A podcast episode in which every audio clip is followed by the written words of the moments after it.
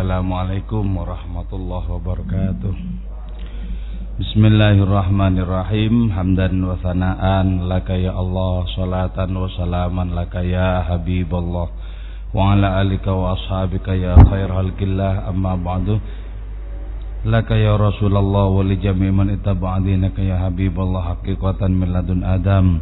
Ila yamil qiyamah radiyallahu lana wa lahumul fatiha. A'udhu billahi minasyaitanir rajim Bismillahirrahmanirrahim Alhamdulillahirabbil alamin arrahmanir rahim maliki yaumiddin Iyyaka na'budu wa iyyaka nasta'in ihdinas siratal mustaqim Siratal ladzina an'amta 'alaihim ghairil maghdubi 'alaihim waladdallin amin Litaqarrubina ila Allah ta'ala limahabbatina ila Rasulillah sallallahu alaihi wasallam لسلامتنا في الدين والدنيا والآخرة لقضاء ديوننا لقضاء حاجاتنا من أوائج الدنيا والآخرة لتيسير أرزاقنا حلالا طيبا مباركا كثيرا وسعا لسعة جسدنا وقلوبنا شأمراضنا ووار باطنا لدفع البلايا والمحن والفتن والأمراض الأسقام لمنافعنا لمصالحنا لبيتنا وأولادنا وذرياتنا وجوارنا أصدقائنا جميع المسلمين والمسلمات. والمؤمنين والمؤمنات الأحياء منهم والأموات والعز الإسلام والمسلمين. بجودك يا الله بشفاعة نبيك يا الله ببركة أوليائك يا الله بأسرار الفاتحة. أعوذ بالله من الشيطان الرجيم بسم الله الرحمن الرحيم الحمد لله رب العالمين الرحمن الرحيم مالك يوم الدين إياك نعبد وإياك نستعين اهدنا الصراط المستقيم صراط الذين أنعمت عليهم غير المغضوب عليهم ولا الضالين آمين Terakhir kita berbicara kemarin tentang musik ya. Rebab rebab dalam di dalam puisi-puisinya Maulana Rumi itu merupakan simbol dari musik rohani. Musik sendiri didefinisikan oleh beliau itu sebagai nafatun ilahiyatun samawiyatun abadiyatun yaitu hembusan angin keilahian yang memiliki keagungan dan keabadian. Musik karena itu apresiasi secara spiritual terhadap musik itu akan menjadikan batin kita mengalami getar-getar keilahian. Jadi karena itu musik apa saja sangat penting kita apresiasi secara spiritual. Musik klasik seperti hadrah seperti ini atau musik apa pun yang lain. Kalau perlu jadilan dan lain semacamnya.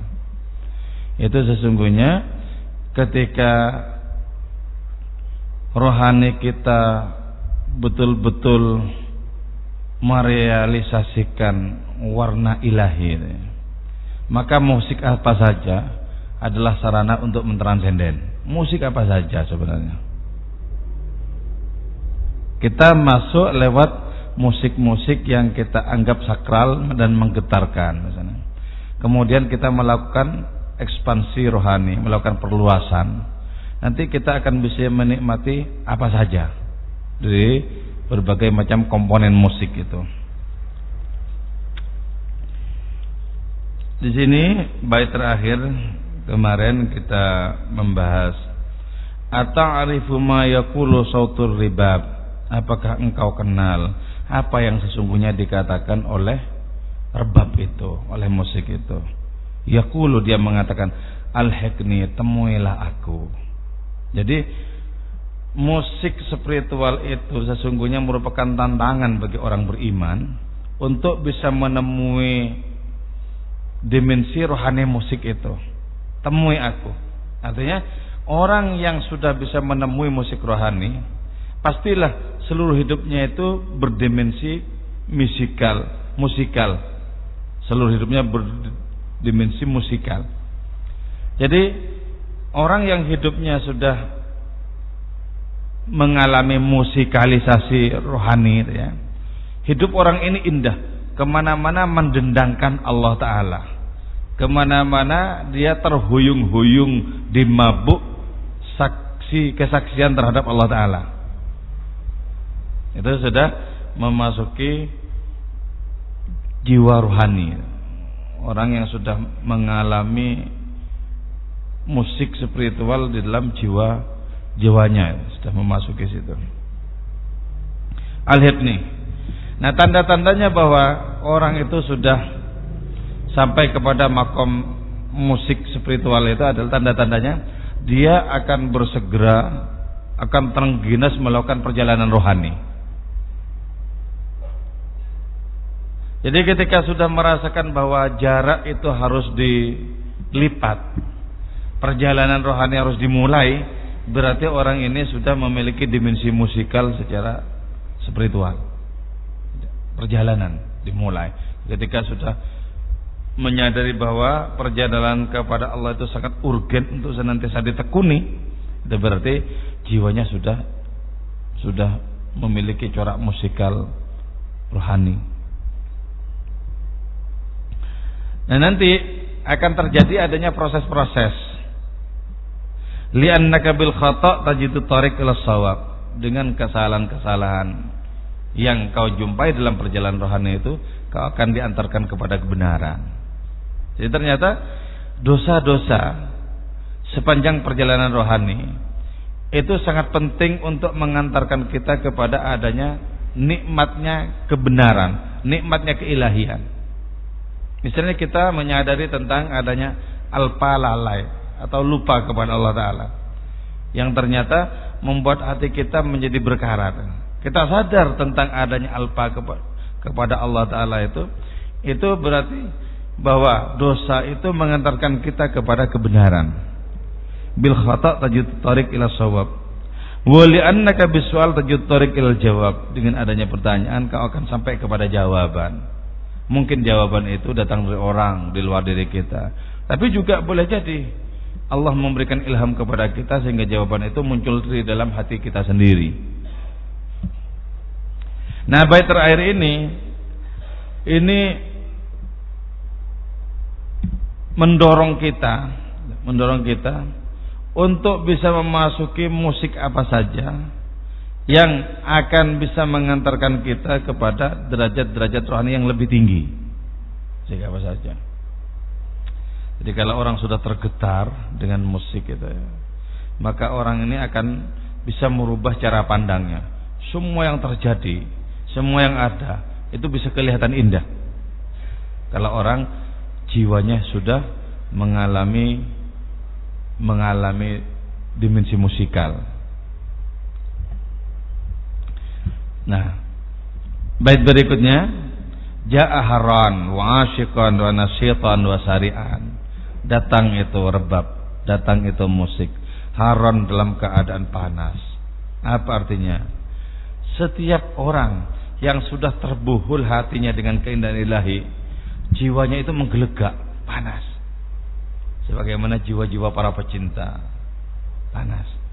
Itulah sebabnya Kenapa orang yang jatuh cinta itu tidurnya itu sangat sedikit, sedikit sekali tidurnya. Kenapa?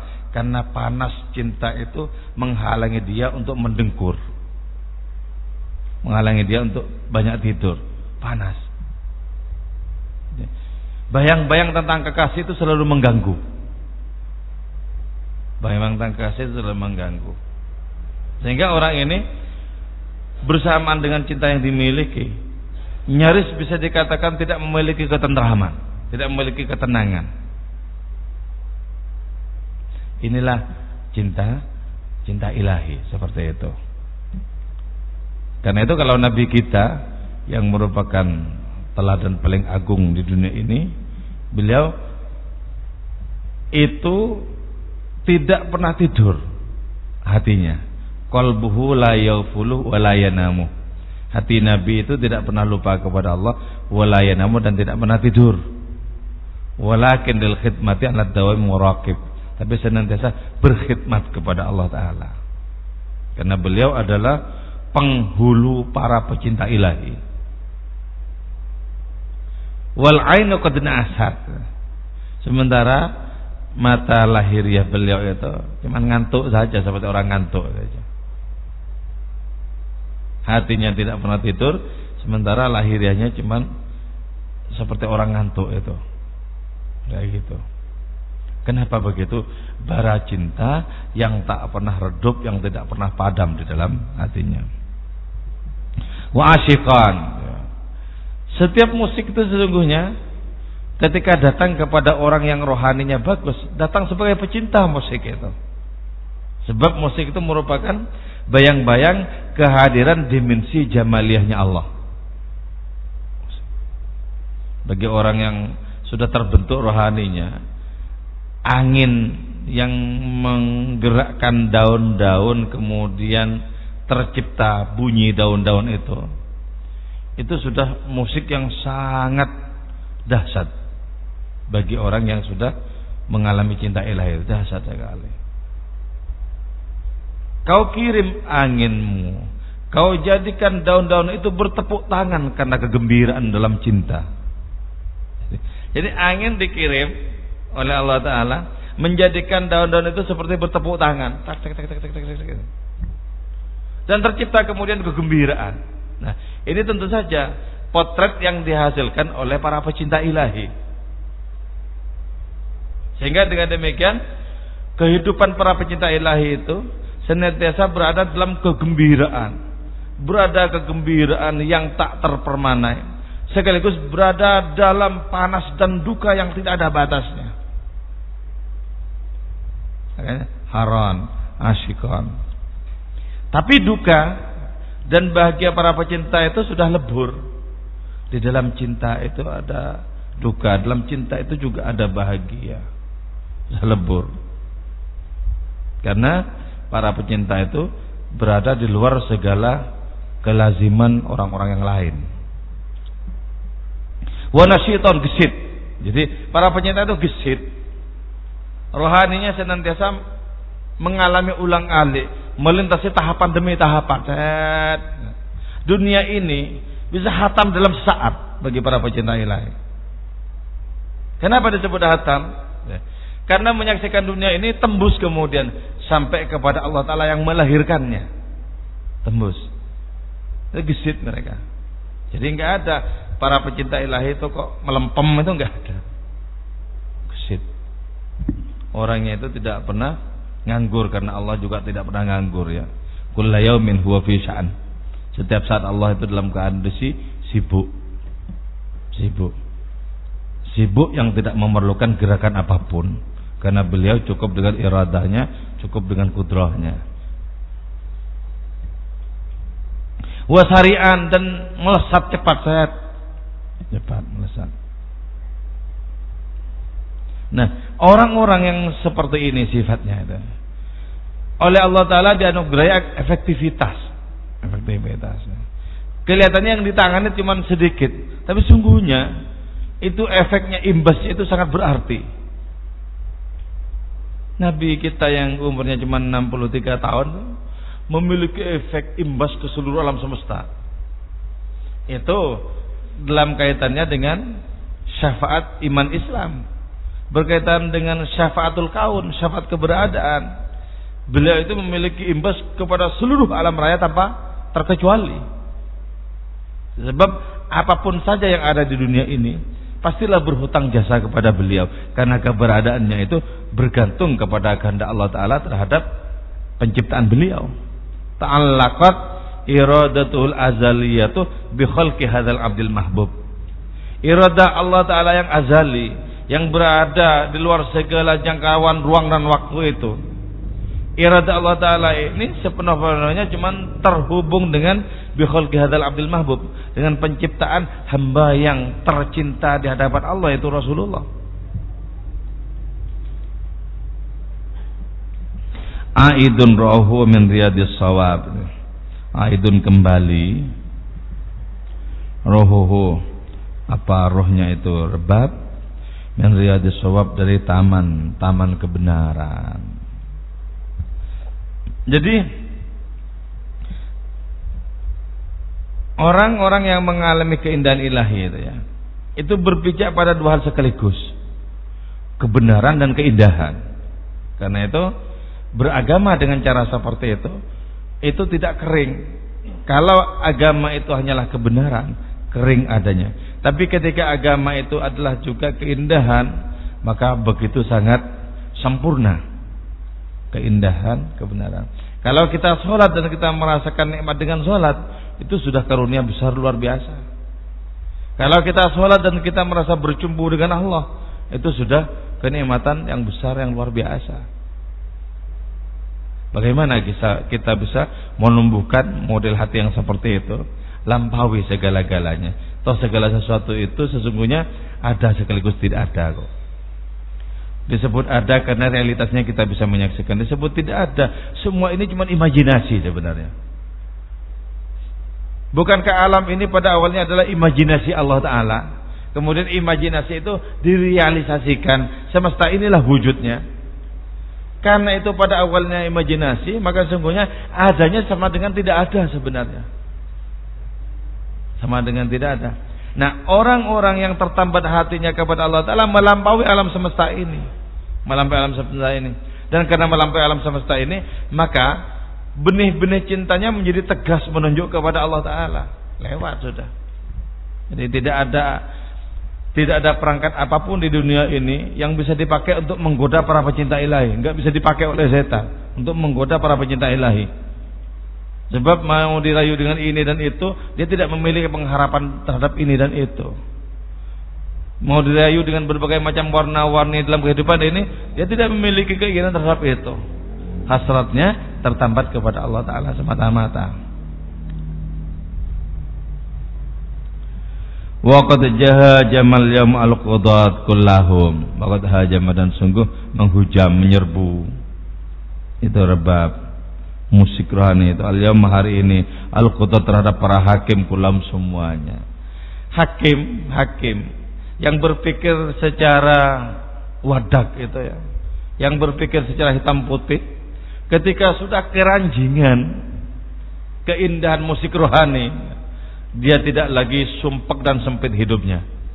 Tapi mencakrawalaman samudra luas seluas-luasnya Dulu sama Maulana Rumi itu pengajar ilmu tauhid, ngajar tentang sifat-sifat Allah, nama Allah semuanya. Tapi tidak memiliki cinta, tidak memiliki cinta. Ketika gerbang cintanya itu dibuka oleh Syekh Samsudin Tabrizi, kemudian dia kemudian menari-nari seperti menemukan cakrawala yang baru dalam hidupnya. Menemukan cakrawala baru yang dalam hidupnya. Karena gerbang cinta itu sudah dibukakan. Dan ketika orang sudah mendapatkan keterbukaan gerbang cinta itu, dia akan menawarkan cinta itu kepada apa saja, kepada siapa saja. Ditawarkan tidak saja dalam bentuk kata-kata, ditawarkan dalam bentuk tindakan-tindakan. Tindakan-tindakan. Sehingga setiap orang yang menyaksikannya, setiap orang yang berdekat dengannya merasakan damai, merasakan adanya ketentraman karena efek dari adanya cinta ilahiyat dalam diri orang itu. Senang itu yang pernah diungkapkan oleh para sahabat terhadap Nabi. Nabi kata para sahabat itu. Ketika kami berada di dekat engkau ya Nabi serasa-rasa dunia ini adalah surga. Surga. Kenapa beliau itu adalah matul uzma? Nikmat teragung. Kenapa jadi nikmat teragung? Karena paling banyak memendam cinta kepada Allah Ta'ala. Jadi nikmat teragung Siapa di antara kita yang paling banyak memendam cinta kepada Allah, dialah nikmat teragung dalam kehidupan dalam kehidupan yang real ini, nikmat agung. Jadi ketika cinta sudah kita kandung dalam diri kita, hasrat kita Allah Ta'ala, kemudian senandung-senung kita cuma ke sana saja, maka kita akan menjadi nikmat bagi tempat di sekitar kita. Nikmat yang agung. Bahkan an ma'il hayat. Nah, Ketika orang hidupnya sudah menjadi musik rohani sebagaimana rebab. Maka orang ini di mana saja kapan saja yang dibahas itu apa? Yang ditawarkan itu apa? Maul hayat, air kehidupan. Air kehidupan. Setetes dari air kehidupan akan melahirkan semesta sebagaimana yang kita huni ini ombak dari lautnya. Kata sana itu. Menjelma Tigris menjelma Danube menjelma Yufrat menjelma Nil. Ini ombak dari laut cinta. Nah sungai-sungai itu adalah simbol-simbol dari penghidupan. Bukankah ladang-ladang sawah-sawah diairi dengan sungai-sungai itu dihidupi dengan sungai-sungai itu. Pemukiman-pemukiman itu diairi dengan sungai-sungai itu. Jadi maul hayat, air kehidupan. Air yang menjadikan orang di dunia yang fana ini, air itu menjadikan orang ini abadi. Siapa meminum maul hayat secara hakiki, maka dia akan abadi di tengah gemuruh kefanaan dunia ini. Wa ahyina bil hayatil baqiyati fi hadhihi dunyal faniyah. Doanya Gusmi itu. Ya Allah, hidupkanlah kami dengan kehidupan abadi di tengah kehidupan yang fana ini. Wahina bil hayatil baqiyah fi hadhihi dunyal faniyah. Hidupkanlah kami dengan keabadian di tengah kehidupan dunia yang fana ini. Maul hayat. Maul hayat secara real itu yang diminum oleh Nabi Khidir. Itulah sebabnya kemudian umurnya menjadi ribuan tahun karena minum maul hayat. Nah, kata Syekh Abdul Karim Al-Jili dalam kitab Al-Insanul Kamil, sebenarnya Aristoteles itu itu juga sebenarnya pernah berjumpa dengan maul hayat tapi beliau tidak merasakan, tidak sadar bahwa itu maul hayat sehingga tidak meminumnya dan karena itu dia mati. Dia mati. Nabi Khidir yang ketemu dengan maul hayat dan meminumnya maka akan memiliki hidup yang beribu-ribu tahun. Matinya wallah taala alam mungkin masih kiamat nanti matinya. Hidup yang panjang. Tapi hidup dengan umur yang panjang seperti itu menjenuhkan bagi para pecinta. Karena itu dalam kitab-kitab biografi para wali itu disebutkan ya. Banyak di antara mereka yang tidak mau berteman dengan Nabi Khidir. Ketika orang-orang lain memburu untuk berjumpa Nabi Khidir, ada di antara para sufi tidak mau berteman dengan Nabi Khidir. Kenapa? Katanya. Kenapa kau tidak mau berteman dengan aku? Banyak orang memburu untuk berjumpa dengan aku, kata Nabi Khidir. Aku enggak mau umurmu terlalu panjang, sementara aku keburu untuk berjumpa Tuhanku.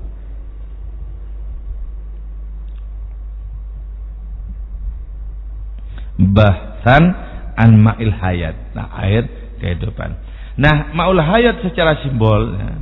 ma'ul hayat secara spiritual, tentu saja tidak tertuju kepada air yang pernah diminum oleh Nabi Khidir itu. Tapi tertuju kepada ruh musik rohani yang dengannya kita bisa memiliki hidup yang abadi di dunia ini secara rohani abadi. Jadi hidup ini sebenarnya sangat centang perenang. Terlalu murahan untuk mendapatkan fokus perhatian kita sebenarnya. Karena itu kita jangan mau ditarik-tarik untuk tergoda jangan mau. Ini terlalu kacangan sebenarnya untuk para pejalan rohani di hadapan Allah Taala. Terlalu murah. Karena itu jangan sekali-kali tertarik kepada harta benda dunia, kepada kekuasaan kemegahan. Jangan sekali-kali tertarik itu. Itu akan mencegah runcingnya cinta kita kepada Allah Ta'ala. Jangan. Kalau kita mendapatkan jatah untuk memiliki rezeki yang banyak tetap tidak akan pindah ke tangan orang lain. Walaupun kita tidak tergila-gila kepada harta benda itu. Tetap akan datang kepada kita. Ketika Allah mengamanai kita harta benda pakailah cepat-cepat di jalan Allah Ta'ala sepenuh-penuhnya. Kita tidak khawatir untuk kehilangan semua itu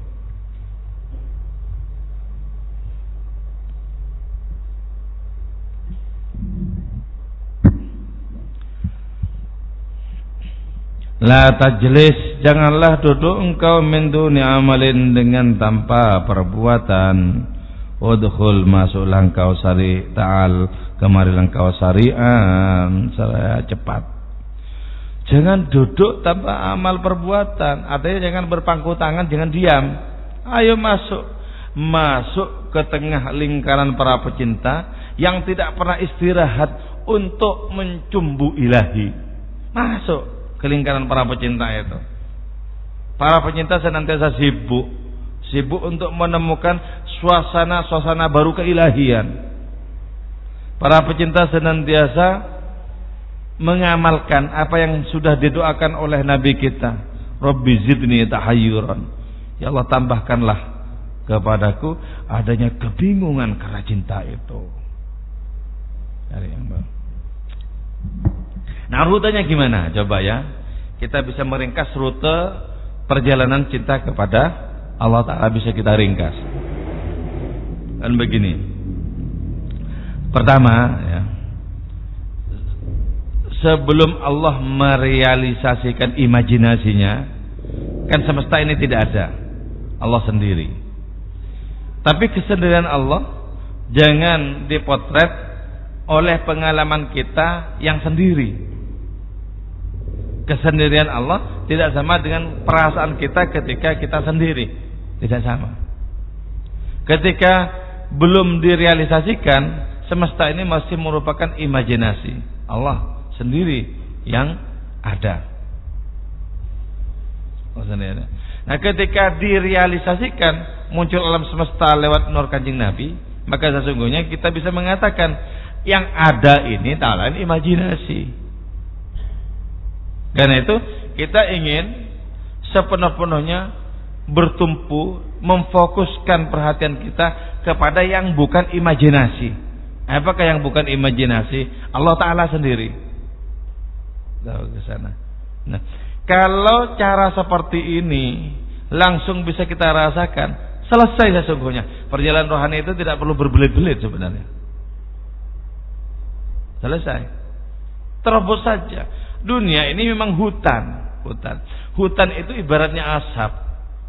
Tapi ketika ada api rohani, maka asap itu akan tidak ada. Ketika sudah berkobar api rohani, api cinta dalam diri kita, maka yang tampak cuma Allah Ta'ala. Yang tampak cuma Allah Ta'ala. Dan ketika yang tampak cuma Allah Ta'ala, bagaimana mungkin tergoda oleh hal yang lain-lain? Tidak mungkin tergoda kepada hal yang lain-lain. Nah, ini yang disebut dengan jalan, istilahnya Gusmi itu jalan terabas. Jadi nanti enak, umur kita masih tersisa, Sementara kita sudah bisa menerabas hutan dunia ini. Langsung kepada Allah Ta'ala. Jadi kita kemudian memiliki dua dunia. Yaitu universalitas ilahi dan partikularitas semesta. Kita memiliki dua dunia. Kemutlakan ilahi dan kinesbian semesta. Punya dua dunia ini. Kita kulaan kepada kemutlakan ilahi. Untuk apa? Untuk disebarkan di dunia yang nisbi seperti ini bahkan dalam dunia yang seperti ini. Jadi kita berpijak dengan dua kaki yang berbeda sekaligus. Ketika kita berpijak kepada kenisbian makhluk-makhluk, maka kita berbicara dengan bahasa-bahasa makhluk yang bisa memungkinkan kita berkomunikasi. Tapi ketika kita masuk kepada kemutlakan ilahi, kita tidak memerlukan lagi komunikasi makhluk-makhluk. Itu ya perbedaan antara tawakal dan takwa. Apakah takwa? Ketika aku adalah engkau dan engkau adalah aku. Definisinya kayak Muhammad Zuhri ini ya. Apakah takwa? Yaitu ketika aku adalah engkau, engkau adalah aku. Yaitu mempraktekkan kemutlakan Allah Ta'ala dalam kebersamaan. Apakah takwa? Tertusuk padamu berdarah padaku, Sutarji. Takwa. Apakah tawakal? Yaitu ketika engkau bukan aku dan aku bukan engkau. Ya. Ini tawakal ini masuk dalam wilayah kemutlakan ilahi, ya. kemutlakan ilahi. Sementara takwa itu masuk dalam ruang kebersamaan. Dalam ruang kebersamaan. Nah, ruang kebersamaan kita itu hanya bernilai ketika keulakan kita sudah sempurna dalam kemutlakan ilahi itu. Siapa yang hidupnya mendapatkan setempel keilahian dalam segala gerak-geriknya, maka dialah orang yang paling berguna dalam kehidupan ini. Dia datang ke kehidupan ini murni atas nama hadiratnya. Atas nama hadiratnya. Suatu waktu ya, Pak Muhammad Zuhri di Pati itu pernah kedatangan tamu. Tamu. Ketika tamu datang ke rumahnya di Sekar Jalak itu, si tamu ini menunduk memberikan penghormatan. Di saat itu kemudian beliau menyaksikan tamu ini mengenakan kalung salib eh, dari saudara Nasrani. Si Pak Muhammad Zuhri ini kemudian berpikir sekarang katanya kan, aku bukan lagi Muhammad Zuhri sebagai tuan rumah. Aku sudah semestinya membawa serta Tuhanku Karena itu akan kutampilkan Tuhanku yang paling indah di hadapan tamu ini. Jadi ditampilkan dimensi jamaliyahnya Allah, dimensi keindahannya Allah Taala itu ditampilkan. Sehingga di samping beliau itu menghormati tamu, beliau itu juga sangat kasih sayang kepada si tamu ini. Sangat kasih sayang kepada si tamu ini. Dan karena sedemikian rupa membawa serta kehadiran ilahi yang indah itu kemudian tamu ini untuk pertama kalinya bergetar di hadapan Kiai Muhammad Zuhri itu. Artinya bergetar. Yang tak pernah dialami ketika tamu ini datang ke gereja atau datang kepada majlis-majlis Nasrani yang lain. Ya mana? Jadi itu ya beliau berarti apa? Membawakan dimensi kemutakan ilahi di tengah kehidupan yang nisbi. Maka jelas ya, misi Nabi itu jelas. Datang ke kehidupan atas nama Allah Ta'ala. Tidak secuil pun atas nama dirinya sendiri. Terus kita bisa menyaksikan juga seperti apa luas kasih sayangnya. Beliau datang ke hadapan Allah Ta'ala memperjuangkan keselamatan umat manusia. Dari mana? Dari cinta ilahiyat yang bergema di dalam dirinya sendiri. Nah kalau begitu kan lewat, lewat kemudian yang namanya ornamen-ornamen alam semesta ini, pelengkap-pelengkap penderita di alam semesta ini lewat, tidak mengecoh perhatiannya. Orang kalau sudah putus asa kepada alam semesta, gak mungkin memiliki pengharapan. Orang sudah putus asa. Pasti sudah merdeka. Anta hurun memang anta anhu ayisun kata Syekh Tajuddin. Engkau merdeka dari apa pun yang kau putus asa kepadanya. Sudah putus asa kok kepada makhluk-makhluk karena makhluk-makhluk tak lebih dari imajinasi gitu ya. Sudah putus asa. Maka pastilah merdeka dari makhluk-makhluk. Ketika sudah merdeka dari makhluk-makhluk, melesatlah kepada Allah. Syed, ya. Setiap saat bisa melesat kepada Allah Taala. Di mana saja bisa melesat kepada Allah Taala. Nah, karena sudah sepenuhnya memandang makhluk itu tak lebih dari imajinasi, maka untuk memberikan makna kepada makhluk, dia datang kepada makhluk atas nama Tuhannya. Ditampilkan Tuhannya yang memiliki nama Ar-Rahman sehingga belas kasih kepada seluruh makhluk. Ditampilkan, ditampilkan nama Tuhannya Ar-Rahim sehingga sangat sayang kepada orang-orang beriman. Bil mu'minin raufur rahim. Nah ini lompatan-lompatan spiritual. Ya biar tidak terlalu berbelit terlalu lama. Sementara kita berlomba dengan umur. Syukur-syukur kalau misalnya umur kita masih ada jatah tapi kita sudah bisa menerobos hutan dunia ini. Sudah tidak memiliki ketergantungan sudah tidak terbuhul hati kita dengan segala yang nisbi. Syukur saya. Beres beres Orang yang seperti itu kapan saja menghadap kepada Allah sudah siap. Orang-orang begitu itu. Selesai sesungguhnya kan. Hidup ini sudah rampung, sudah selesai. Apa yang membuat hatinya tertarik sudah selesai kok. Lewat sudah. Tidak lagi ada agenda ini itu, ingin ini, ingin itu dan memenuhi hatinya. Enggak ada itu sudah. Sudah enggak ada. Imajinasi tetaplah imajinasi, diletakkan hanya sebagai imajinasi semata. Karena imajinasinya Allah. Wah, ya real begini oh imajinasinya Allah kok. Beda dengan imajinasinya para penyair. Yang merupakan kata-kata tertulis atau tidak tertulis. Kalau imajinasinya Allah, ya konkret begini. Ini. Tapi orang-orang makan mengatakan dari kalangan ilmuwan, mengatakan, ya ini empirik, ini konkret, ya. Para sufi bilang, lah ini imajinasi. Bagaimana kau bilang konkret? Ini imajinasi cuma imajinasi. Walaupun ini imajinasinya Allah, ini juga merupakan jebakan. Jangan tertarik kepada imajinasinya Allah, tertariklah kepada Allah. Sebagaimana jangan tertarik kepada rahmat-rahmatnya, tertariklah kepada Allah Taala itu semata.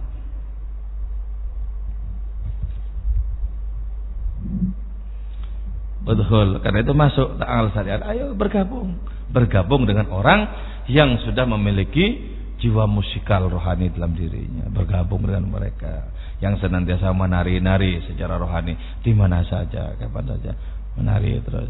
Hidup ini kok indah sekali ya, indah sekali hidup ini indah sekali. Bahkan ketika orang-orang murung oleh berbagai macam pertikaian, Si sufi ini diam-diam tanpa memperlihatkan wajahnya kepada orang lain, diam-diam bertepuk tangan. Ya ilahi, panorama keindahanmu muncul di mana-mana. Berwujud pertikaian, berwujud saling caci dan semacamnya. Betapa indah engkau ya ilahi bisa mengatasi semua ini. Bukankah engkau ahkamul hakimin? Jadi mengalami lompatan-lompatan. Orang stres itu karena dikurung oleh kepengapan dunia yang nisbi, stres. Apakah neraka? Neraka itu adalah rumah tanpa pintu, tanpa jendela, itu neraka. Apakah agama? Agama itu adalah menciptakan pintu dan jendela bagi sebuah rumah sehingga terlihat cakrawala. Ketika merasa dikungkung oleh rumah, dia mesti mengatakan, sesungguhnya hidupku yang hakiki di sana, di langit keagungan sana, enggak di sini. Nah orang seperti ini, enggak ada jalan untuk stres ada jalan. Karena itu buanglah jauh-jauh kemungkinan untuk stres itu dengan cara memasuki cakrawala cinta ilahiyat. Hmm. Ayo gabung, gabung. Dalam saya masih terkesan dengan kalimatnya Rumi itu. Apakah minumanmu masih utuh atau sudah tinggal ampas? Ayo bergabung di lingkaran para pecinta ilahi. Artinya apa? Apakah engkau itu pendosa? atau engkau yang sedang menempuh suluk, ayo bergabung. Gabung. Sebab orang-orang yang menjadi wakil kehadiran Allah Ta'ala dan menampilkan dimensi jamaliahnya itu orang ini akan mengatakan jika hanya orang-orang yang baik yang kau layani ya ilahi terus siapakah yang akan mengurusi orang-orang yang berdosa itu Ini untuk hari-hari ini kan sulit ya untuk mendoakan orang-orang yang sudah kedung kita sengit. Mendoakan baik itu, mendoakan mudhar iya. Tapi untuk mendoakan baik, waduh, sulit hari-hari ini sulit, panas adanya media sosial. Sulit. Mendoakan baik gitu. Sedang lagi bisa terdengar doanya Ahmad bin Hambal. Coba doakan, ya Allah, kalau mereka merasa gembira dengan cara menistakan, tolong gembirakan mereka dunia dan akhirat ya Allah. Ya, enggak ada. Enggak ada. Kalau mereka merasa betul-betul hakul yakin bahwa tindakan itu mereka benar, tolong jangan jadikan mereka terpeleset walaupun sedikit pun. Anugerahkan kepada mereka pahala-pahala yang agung. Sulit. Yang betul-betul tulus kalau doa seperti itu sebagai ejekan mungkin bisa ada.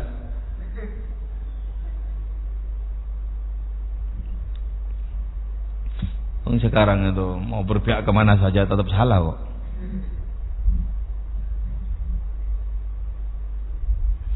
kenapa? Jangan nganggur. Faat taat tulu adapun nganggur ya juru ialah mendorong itu nganggur. Imma ilal akrik boleh jadi mendorong kepada makan terus senang makan. Wa imma ila naum boleh jadi mendorong kepada tidur. Orang nganggur tuh jadi orang nganggur itu aktivitasnya cuma dua makan dan tidur.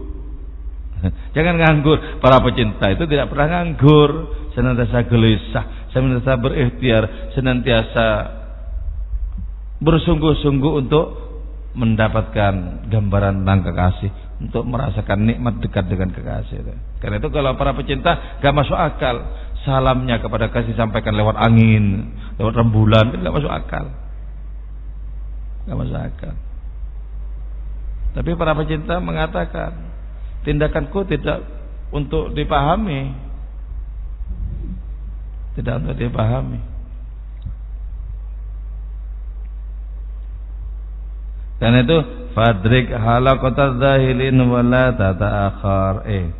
Wa min ahli simai dan dari kalangan orang-orang yang suka musik rohani ya silo sampai sautur rebab apa suara rebab itu. Jadi terhadap orang yang memiliki kekuatan rohani pastilah suara musik itu adalah gambaran tentang cinta ilahiyat. Tentang cinta ilahiyat. Coba misalnya ya, kita klasifikasikan musik ya. Kita sudah kadang meletakkan dangdut itu agak ke bawah, ya. Agak ke bawah kesannya lah ya. Dibandingkan dengan jazz, dibandingkan dengan rock, dibandingkan dengan apa macam-macam itu ya agak ke bawah aja. Tapi bagi orang yang mengalami cinta ilahi, oh enggak masalah, enggak ada hubungannya dengan dengan persepsi, enggak ada hubungannya. Tetap saja bisa dinikmati. Enggak peduli penilaian orang itu bahwa yang deng namanya dangdut itu kampungan enggak peduli. Enggak peduli.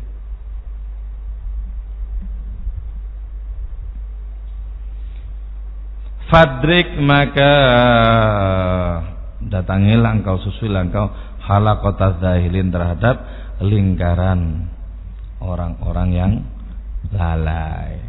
Kenapa lingkaran orang-orang yang lalai?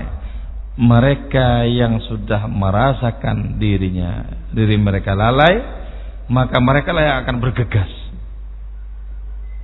menuju kepada Allah Taala. Bergegas. Kalau orang belum merasakan bahwa dirinya itu lalai, bahwa dirinya itu penuh kekurangan, orang ini akan diam dan berleha-leha.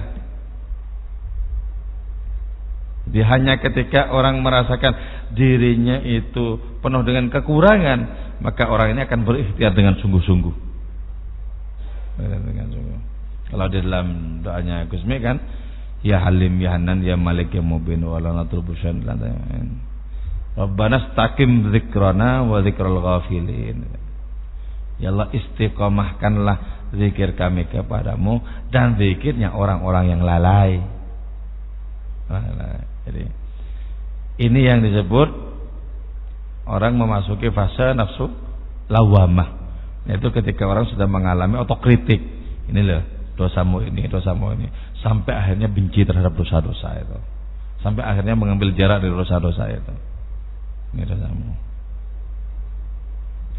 Jadi kalau berkaitan dengan dosa-dosa jangan ke sana, dosa-dosamu semua jangan. Kalau berkaitan dengan kekurangan ke sini. Pisau itu diarahkan ke sini. Kalau berkaitan dengan kebaikan diarahkan ke sana. Jangan kebalikannya. Kalau yang enak-enak dan mulia-mulia ke sini, kalau yang bagian kritik-kritik pedas mencaci ke sana. Kebalik. Kebalik. Makanya kalau orang-orang yang dekat kepada Allah Ta'ala itu menerapkan hukum tidak sama. Kalau kepada orang lain dia menerapkan rukhsah. Kemurahan-kemurahan. Wah ini boleh, ini boleh, ini boleh. Kalau kepada dirinya ketat. Kalau dibalik berbahaya itu. Menghukumi orang lain yang ketat-ketat. Oh enggak boleh, enggak boleh. Boleh, oh ada mazhabnya. Jadi yang ketat-ketat untuk orang lain, yang longgar-longgar untuk dirinya sendiri, ya enggak bisa, enggak begitu. Mestinya kalau orang-orang betul dekat kepada Allah Taala itu, kepada orang lain dia menghukumi apa saja itu dengan yang longgar-longgar. Boleh, ada yang membolehkan, ini boleh, ini membolehkan. Padanya ambil yang lebih ketat. Wala tatakhir jangan sampai engkau tertinggal. Ayo bergabung dengan orang-orang yang merasa lalai, yang merasakan perlu untuk melakukan perjalanan rohani kepada Allah, yang lagi semangat untuk menempuh perjalanan itu. Ayo bergabung. Wala tatakhir, janganlah engkau tertinggal. Ya man ji'ta mutakhiran ilal kutab wahai engkau yang datang terlambat menuju sekolah, kampus semacamnya. In asral adfal fala tusri anta kalau bocah-bocah itu bersegera datang ke sekolah, engkau tidak siap ikutan mereka. Ya. Bagi-bagi berangkat. Pakai sepatu, bajunya di dalam. Jelas itu resmi itu. Kalau orang-orang seperti itu bersegera ke sana, engkau nggak saya ikut-ikutan. Sekolah lain, sekolah kesadaran itu Sekolah mulai. Jadi karena itu kita mesti mesti memiliki dua macam sekolah. Kalau bisa, kalau nggak bisa, ya satu saja, yaitu sekolah kesadaran rohani. Sekolah kesadaran rohani. Kalau sekolah kesadaran rohani itu di mana-mana bisa kita menempa jiwa kita, bisa menempa jiwa kita.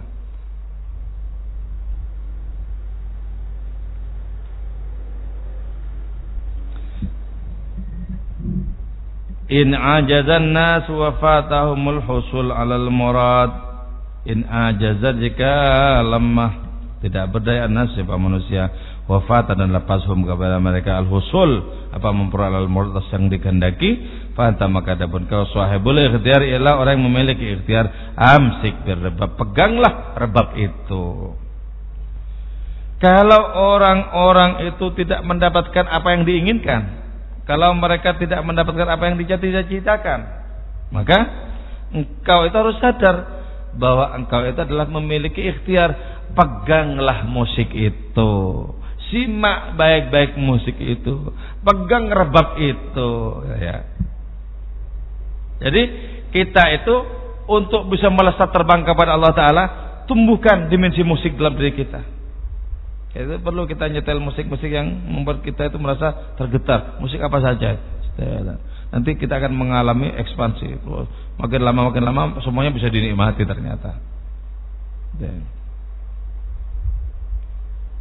Bahkan ada orang mengalami tiofani, ya. mengalami tajalli Allah itu. Justru di tengah musik yang berjingkrak-jingkrak yang di tidak disenangi oleh banyak orang, mengalami tiofani. Kenapa? Bagi Allah itu sangat mungkin sebenarnya, sangat mungkin dengan mungkin. Jadi ambil sebab jadi karena itu setel musik-musik. Kalau sampai orang mendengarkan firman Allah Taala sebagai musik rohani, wah hebat itu. Mendengarkan Al-Quran. A'udzu billahi minasyaitonir rajim. Bismillahirrahmanirrahim. Muhammadur Rasulullah والذين معه أشداء على الكفار رحماء بينهم تراهم ركعا سجدا يبتغون فضلا من الله ورضوانا سيماهم في وجوههم من أثر السجود ذلك مثلهم في التوراة ومثلهم في الإنجيل kalau sampai bisa merasakan nikmatnya musik Quran seperti itu wah hebat Hebat. Kayaknya udah surga hidup ini. Terus diperdengarkan musik-musik yang lain. Salawatan. Diperdengarkan musik Natoman Alfiyah. Tergetar batin. Padahal tidak ada hubungan secara rohani. Oh. Mubtada'un Zaidun wa akhirun khabar. Cuma karena dilakukan Mubtada'un Zaidun wa akhirun khabar in qulta zaidun akhirun man ya'tadzar enggak ada hubungannya dengan marifat lu mau tergetar? Enggak tergetar. Nah itu bahwa yang namanya nada itu yang namanya suara itu itu sesungguhnya merupakan kabel penghubung kepada Allah Ta'ala bagi jiwa-jiwa yang sudah tersucikan, bagi jiwa-jiwa yang sudah melakukan perjalanan terabas tadi. Maka ada hubungannya kok bisa tergetar.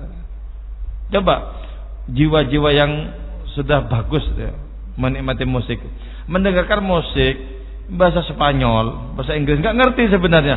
Loh, di mana rahasianya kok ini tergetar aku loh? kan nggak ngerti ya. Ya, bisa saja dinadanya tidak pada pemahaman terhadap kalimat-kalimat dalam lagu itu tidak. Bisa saja. Jadi musik itu adalah pembebasan diri dari penjara yang pengap sebenarnya. Jadi kalau orang gampang marah dan lain semacamnya itu, itu kurang bermusik itu. Kurang bermusik. Karena itu ya ada sesuatu yang salah.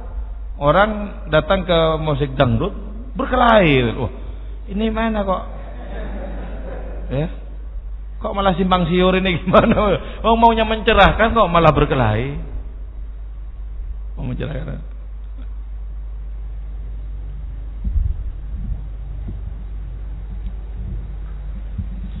indah sekali ya. hidup ini indah sekali terutama ketika dalam diri kita sudah terbenai dengan bagus. Indah sekali. Setiap saat adalah musim semi setiap saat adalah rekreasi. Jadi tidak memerlukan rekreasi ke mana-mana karena di dalam batin ini sudah lengkap musim semi dan tempat-tempat rekreasi itu sendiri.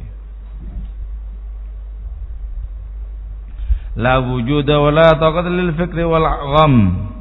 La wujud tidak ada wujud la taqat tidak ada kemampuan lil fikri bagi pikiran wal dan duka.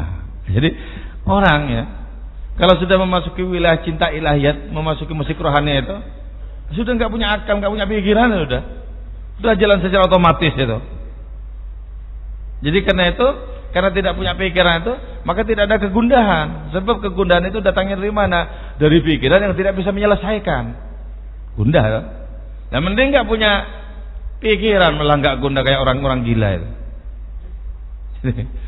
Jadi karena itu bagi orang-orang yang sudah merasakan musik ilahi, la wujuda wala taqata li fikri. Tidak ada dan tidak punya kesanggupan untuk berpikir. Selesai. Enak aja. Hidupnya cuma enak-enak tok. Belum juga tidak ada derita. Kapan itu? Haitsu yujatu sekiranya didapat asyarab peminuman. Itu minuman lain wal kebab dan daging panggang waribab dan rebab. Jadi ketika pecinta itu sudah merasakan minuman khamr ilahi tambahkan lagi kepadaku gelas ini tambahkan khamr itu khamr yang merah yang tidak ada padanan warnanya panggillah saki yang sangat menggairahkan itu jadi kita itu perlu mabuk teman. Jangan mabuk dengan yang murahan koplo apalagi campur jangan yang murahan apalagi oplosan. Mabuklah dengan cara mabuk rohani. Mabuk rohani. Itu ketika kita sudah rindu kepada kampung asal usul kita kepada Allah Taala. Mabuk mabuk. Setiap saat mabuk. Enak kenikmatan yang ada kesenangan yang ada oh Allah Allah Allah cintaku Allah Allah segalaku selesai hidup enak jadi hidupnya itu cuma dua, enak dan sangat enak. Jadi, tidak ada peluang untuk duka. Tidak ada peluang untuk stres, Tidak ada. Semua pagar tertutup sudah. Kalaupun orang-orang Allah Taala mengalami sedih itu ya, sedihnya itu adalah sedih yang transenden, sedih yang sesungguhnya sangat nikmat. Mbak Nabi kita kan pernah kehilangan pamannya ya, terus kehilangan istri tercinta Khadijah disebut amul huzni tahun duka cita kata orang-orang yang menulis sejarah itu. Duka citanya Nabi itu ya. Duka citanya Nabi itu. Itu duka cita yang paling didambakan oleh para nabi dan wali yang lain. Paling didambakan sebab apa duka cita yang seperti itu sesungguhnya adalah wujud dari kebahagiaan yang tidak bisa dipahami oleh kebanyakan orang. Yang tidak bisa dipahami oleh kebanyakan orang. La wujuda wa la gham.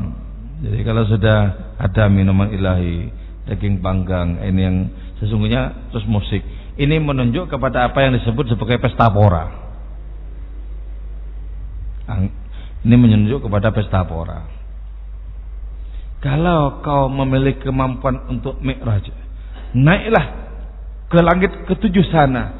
Kau akan menyaksikan para nabi dan para wali itu berada di dalam pesta pora ilahiyat. Dulu ketika saya ikut ikut tes S3 ya. Saya sebenarnya sudah nulis itu proposal untuk disertasi. Judulnya Anggur dan Pesta Pora dalam Puisi Rumi. Karena yang nguji proposal ini orang syariah, ya gitu. nggak paham ya. Walaupun profesor doktor, wah haram tuh ya. Wah. haram. Padahal yang namanya khomer itu dalam konteks sufisme itu, ya. itu sama sekali tidak haram menurut mazhab kami kata Rumi itu. Sebab tidak menunjuk kepada oplosan, tidak menunjuk kepada kuplu enggak, menunjuk kepada khamar ilahiyat maksudnya. Karena itu enggak paham istilah-istilah tasawuf itu enggak paham. Sebenarnya saya diterima, cuman sudah lama-lama tak pikir capek sekolah dari dulu. Gitu. Masa dari kecil sekolah kan? kok nggak capek-capek? Dan itu nggak nggak saya lanjutkan. Cukup sampai di S2. Itu pun ijazah saya belum diambil.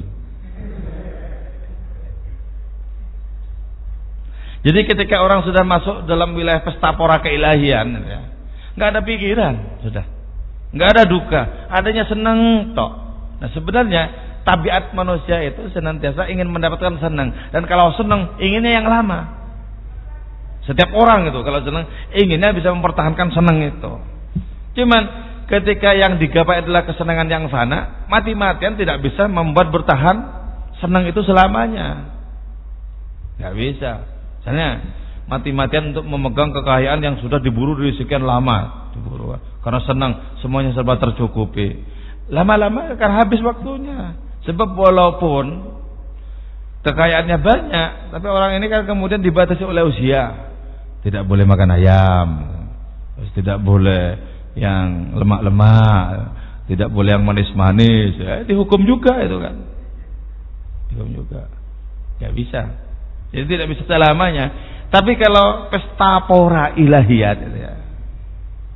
Itu akan dibawa sampai ke alam keabadian. Karena itu kalau mau mencari senang-senang, cari senang-senang yang tidak ada batasnya. Biar tidak nanggung.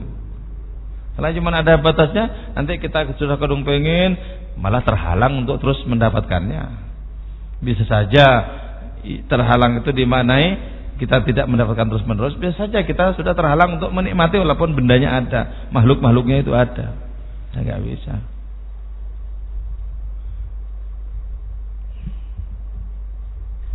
Ketika masih muda kan betapa sangat gembira dan gagah naik Harley. Oh, udah tua, jalannya udah pincang, belikan dua, tolong dinaiki. Gak bisa sudah. Ya, sudah lewat waktunya.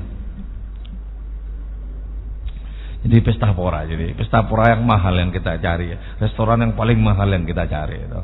Itulah pesta pora keilahian. Fashrabu karena itu maka minumlah kalian ma'ahayatil abadi terhadap air kehidupan abadi.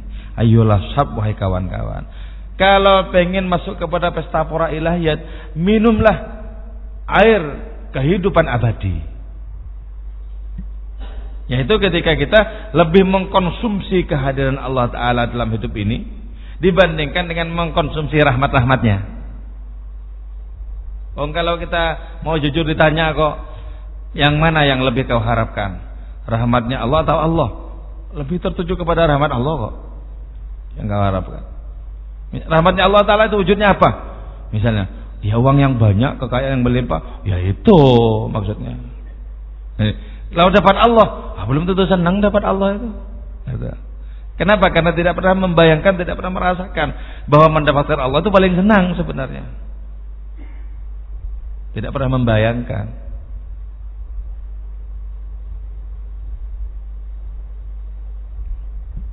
Jadi sama dengan anak-anak kecil yang takut dengan buah naga. Jadi, karena namanya saja naga. Oh, bentuknya kayak gitu. Jangan-jangan. karena belum pernah merasakan.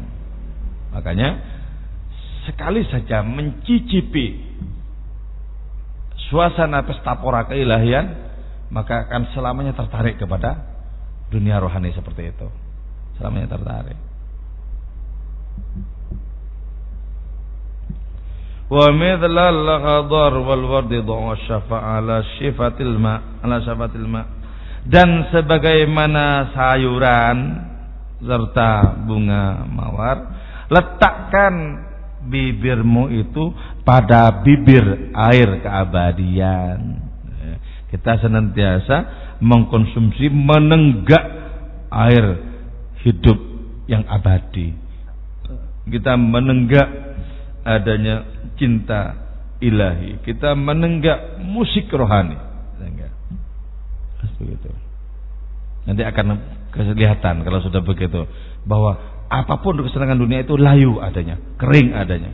Dan sudah tidak tertarik kepada yang layu dan kering itu, tidak tertarik. Tertariknya cuman kepada Allah Ta'ala semata-mata baru itu ya. Ini baru seorang pangeran kehidupan. Orang seperti ini bisa kelihatannya jembel. Batinnya melampaui raja-raja. Batinnya melampaui raja-raja. Karena itu orang seperti Syekh Ibrahim bin Adham itu dia mahal sekali membeli kemiskinan.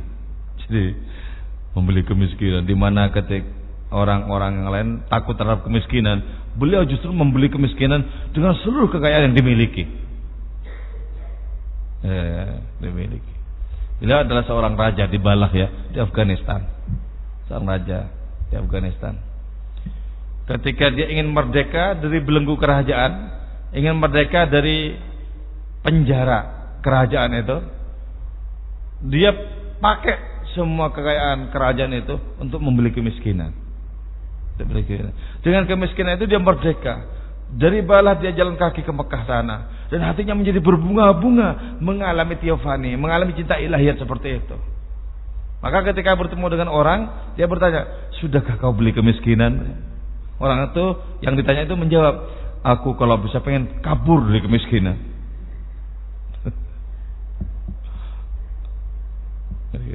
Jadi asik ya. Karena itu yang sudah kadung merasa nervous, grogi karena nasib sosialnya, nasib ekonominya itu dipulihkan kembali perasaan seperti itu. Itu perasaan yang salah. Pulihkan kembali. Katakan, aku tidak ngemis pada makhluk-makhluk.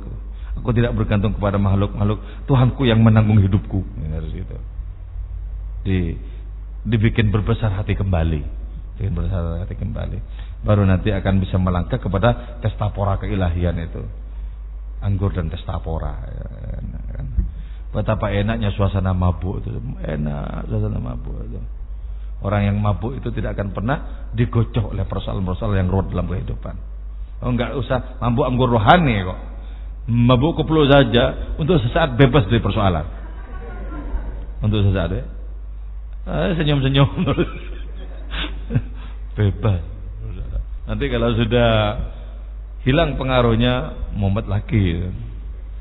Tapi kalau mabuk anggur rohani akan dibawa sampai alam keabadian, kesenangan-kesenangan itu, kebahagiaan-kebahagiaan itu. Dia akan senantiasa menari-nari karena begitu girang batinnya. Merasa dilayani oleh Allah taala. Mana si sakit itu, Mana si pembawa gelas dan anggur itu? Ayo datang kemari, datang kemari. Aku sekarang tidak lagi mabuk anggurnya, aku mabuk pembawanya. Tidak lagi mabuk kepada anggurnya. Tidak lagi mabuk kepada rahmat-rahmatnya Allah Ta'ala. Mabuk kepada kehadirannya semata-mata. Nah kalau orang bisa memahami seperti ini. Kita maka orang ini akan memahami kenapa Nabi itu menolak ketika ditawari oleh Allah Taala gunung-gunung jadi emas tuh dan menjadi kaya Nabi. Ditolak oleh Nabi. Kenapa ditolak? Oh jelas dong Nabi mendapatkan yang teragung dari segala-galanya, mendapatkan Allah. Bukankah sepele kalau perkara emas jadi gunung itu? Sepele. Ditolak sama Nabi. Tidak ya Allah saya pengen sehari kenyang, sehari lapar. Coba umat Nabi sekarang bisa nyontoh seperti itu. Tawari, wah ini kalau nggak cepat-cepat diambil habis ini. Tawari macam-macam. Ah, nanti keburu direbut orang. Sikat saja mumpung ada kesempatan. Jadi sebenarnya ya, untuk zaman sekarang ini, umat Nabi ini rata-rata rata-rata pelaku bid'ah sebenarnya. Kalau ukurannya Nabi yang seperti itu loh. Kalau ukurannya Allah maj'alni miskinan, pelaku bid'ah. Cuman kan kita longgar menerapkan bid'ah ini ya longgar. Jadi longgar. Jadi jangan terlalu seret-seret kalau menerapkan bid'ah ya. Bid'ah tapi ya nggak apa-apa. Yang penting tidak menambah sholat isya jadi lima rakaat, nggak masalah. Nggak masalah. Perumpamannya adalah meletakkan bibir itu di bibir air. Meletakkan bibir di bibir air itu apa? Terus menenggak. Ya. Orang-orang yang sudah kadung menjadikan Allah sebagai satu-satunya penghuni jiwanya itu. Tanpa alasan apa pun, selain itu satu-satunya alasan, itu bergembira terus, oh, senang loh. Bergembira terus. Oke, okay. Ada yang mau ditanyakan? Ya. Ya, imajinasi lah.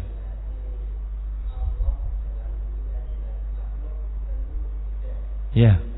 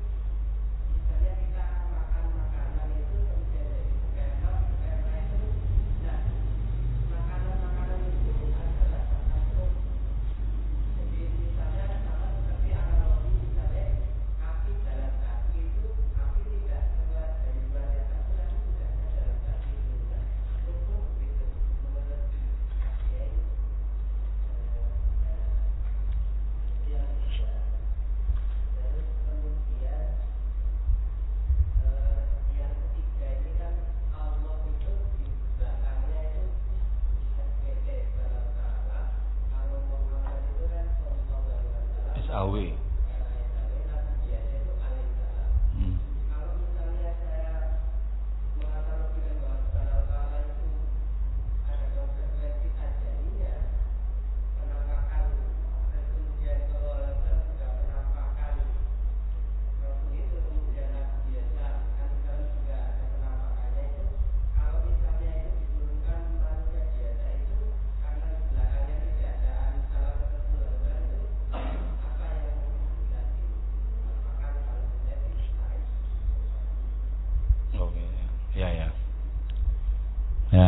Pertama imajinasi. Kalau imajinasi Allah Taala itu ya sama persis seperti realitas. Jadi apa yang dipahami yang diketahui Allah Taala dalam imajinasinya tentang semesta tidak berkurang atau bertambah sedikit pun ketika alam semesta ini sudah menjadi nyata. Persis. Nah, kalau imajinasi manusia kebanyakan tidak bisa direalisasikan.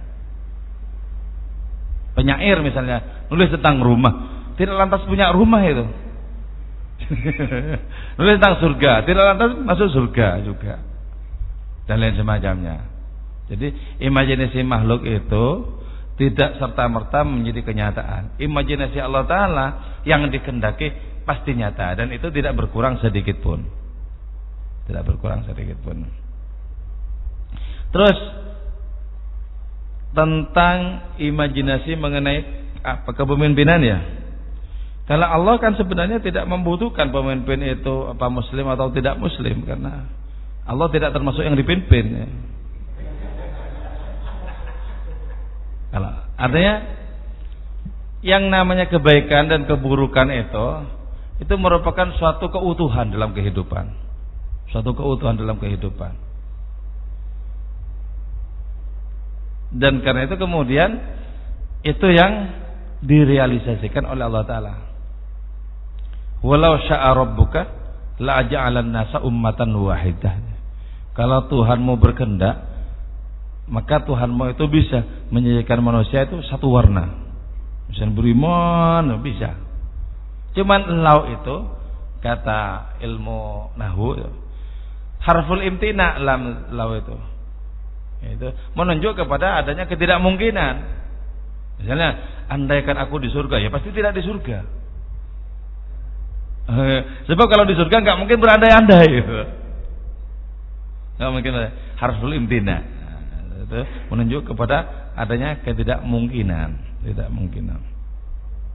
Kalau bagi Allah Taala ya, kalau ukurannya itu pakai iradah, apa saja yang ada ini benar loh, benar. Artinya benar itu apa? Sesuai dengan kehendaknya. Sebab kalau tidak dikehendaki nggak mungkin jadi.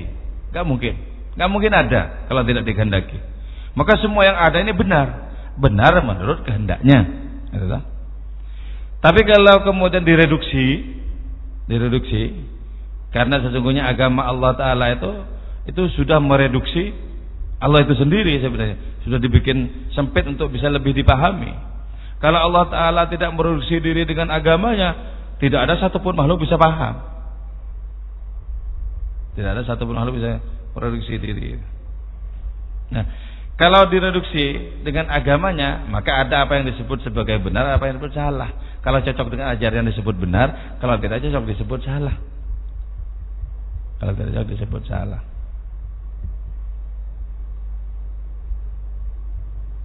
Nah, sekarang kan yang bikin momet perkara Ahok. Jadi sampai belenger kita membacanya. Ahok, ahwak, hoak. ya tidak ada dunia yang lain. Karena itu keluar dari penjara belenger itu masuk kepada cakrawala yang membuat kita tidak tersentuh kan itu. Membuat kita tidak tersentuh.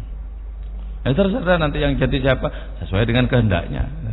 Kalau kita, ya kita juga kita itu sudah beraneka ragam kita itu. Beraneka ragam.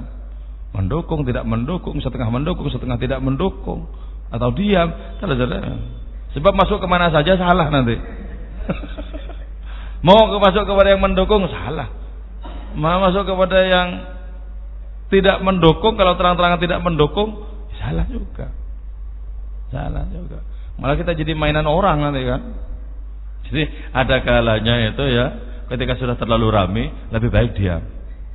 Ketika tanya gimana ini gimana, terserah kamu. lah aku mencari fatwa, wah terserah kamu bikin fatwa sendiri juga sah kok.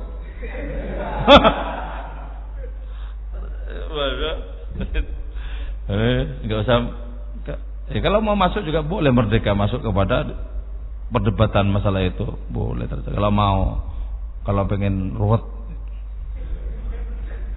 bisa masuk. Kalau enggak juga enggak apa-apa. Kita merdeka ya. Kita merdeka. Ulama-ulama besar ada yang mengatakan itu tidak menista agama. Ada juga ulama-ulama besar itu menista agama. Terserah. mau menista, mau tidak menista, mau al-maidah, mau al-baqarah terserah.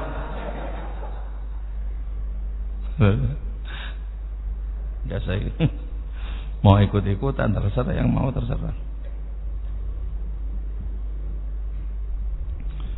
Media sosial berisi-isi toh. Jadi lama-lama ya lama-lama. Tempat sampahnya itu berput nggak muat loh lama-lama. Tempat sampahnya berisi begitu begitu dibuang muncul lagi dibuang muncul lagi. Seperti orang yang memiliki borok ya dan boroknya itu dirubung oleh lalat. Diusir lalat datang lagi diusir datang lagi. Ketika dijaga bisa-bisa kan? Nah ketika tidur dirubung lagi. Terus yang kedua apa lupa? Roh. Oh iya. Iya ini. kalau itu ya memang ada definisi yang seperti itu ya. Kalau begitu kan setiap makhluk itu ada rohnya itu ya misalnya pepohonan, binatang, semacamnya itu memang ada rohnya. Gitu. Tapi kalau yang dimaksud dengan roh dalam diri manusia itu lebih bersifat spiritual. Karena itu merupakan kekuatan pembimbing untuk menuju kepada Allah. Jadi roh itu kekuatan pembimbing dalam diri kita. Kekuatan pembimbing dalam diri kita. Nah, itu yang banyak disepakati oleh para ulama di dalam dunia tasawuf seperti itu. Tapi kalau roh yang tadi itu itu roh yang umum. Karena roh-roh itu banyak macamnya ya, ada roh hewani, ada roh hewani, ada beberapa macamnya roh dalam kitab Sirul Asronya Syekh Abdul Qadir Jailani. Macam-macamnya roh, jadi tidak tunggal. Terus apa ya? Apalagi lupa aku. Oh, ya kalau kita orang biasa bikin sendiri juga boleh kok. Misalnya, ya kasih tambahan apa misalnya. Namanya sampean apa? Hah? Muhlis? Muhlis ya. Ya tambah muhlis barakallahu lahu. Wong itu doa, enggak masalah. Kalau para sahabat Abu Bakar Siddiq radhiyallahu an kasihlah itu doa. Yuk. Jadi kalau sampai nanti dibaca orang begitu kan mendoakan sampean.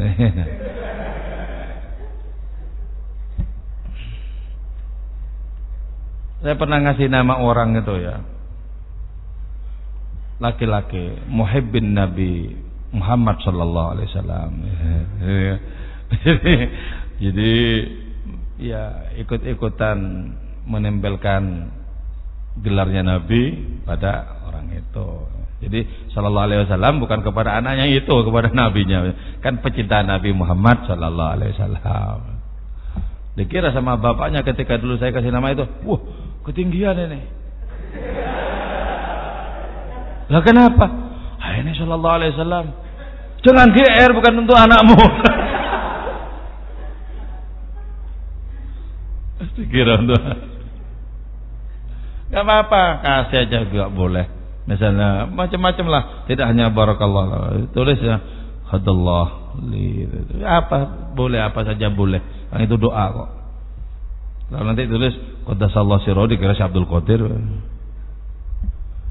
Boleh. Karena itu memang ini rahasianya ya. Kenapa pemimpin-pemimpin terdahulu para sahabat terus gelar radhiyallahu Jadi mereka itu betul-betul terkesan dengan kepemimpinan para sahabat itu terkesan. Karena itu mereka mendoakan langsung disebut mendoakan. Kalau sekarang sebut sama pemimpin langsung dihujat. Apa itu dijadikan gelar? Wong rata-rata muak terhadap penguasa dalam batin kita. Muak. Kenapa? Karena keputusan-keputusannya tidak layak untuk didukung. Keputusan-keputusan itu merugikan. Karena muak. Ini mau tak kasih doa buruk di belakang namanya bagaimana? Ya tulis apa? Terus di bawah tulis halakallah lau. Moga Allah menghancurkan. Wah, habis. Jadi kalau pemimpin-pemimpin itu bagus, pemimpin itu betul-betul pengayom rakyat, rakyat itu simpati dan karena itu setiap menyebut namanya mendoakan. Itu rahasianya ya.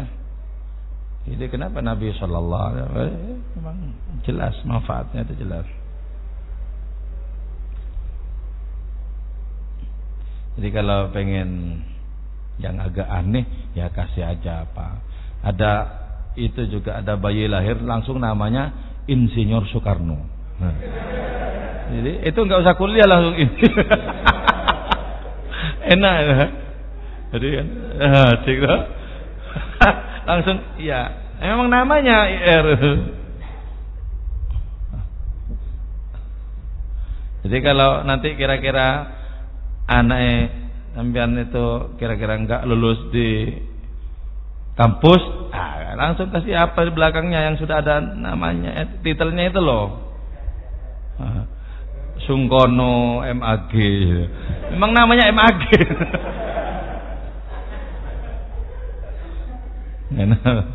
Jadi nak nanti kamu nggak usah ke pasca sarjana, kamu sudah ada titelnya ini. Kalau ditanyakan sama orang lain itu S1 sama S2 mau linear enggak linear. Linear dari bapak saya.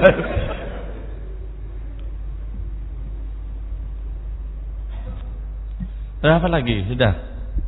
Ya, ya. ada lagi enggak? Nul. Assalamualaikum warahmatullahi wabarakatuh. Allahumma shalli ala sayyidina Muhammad.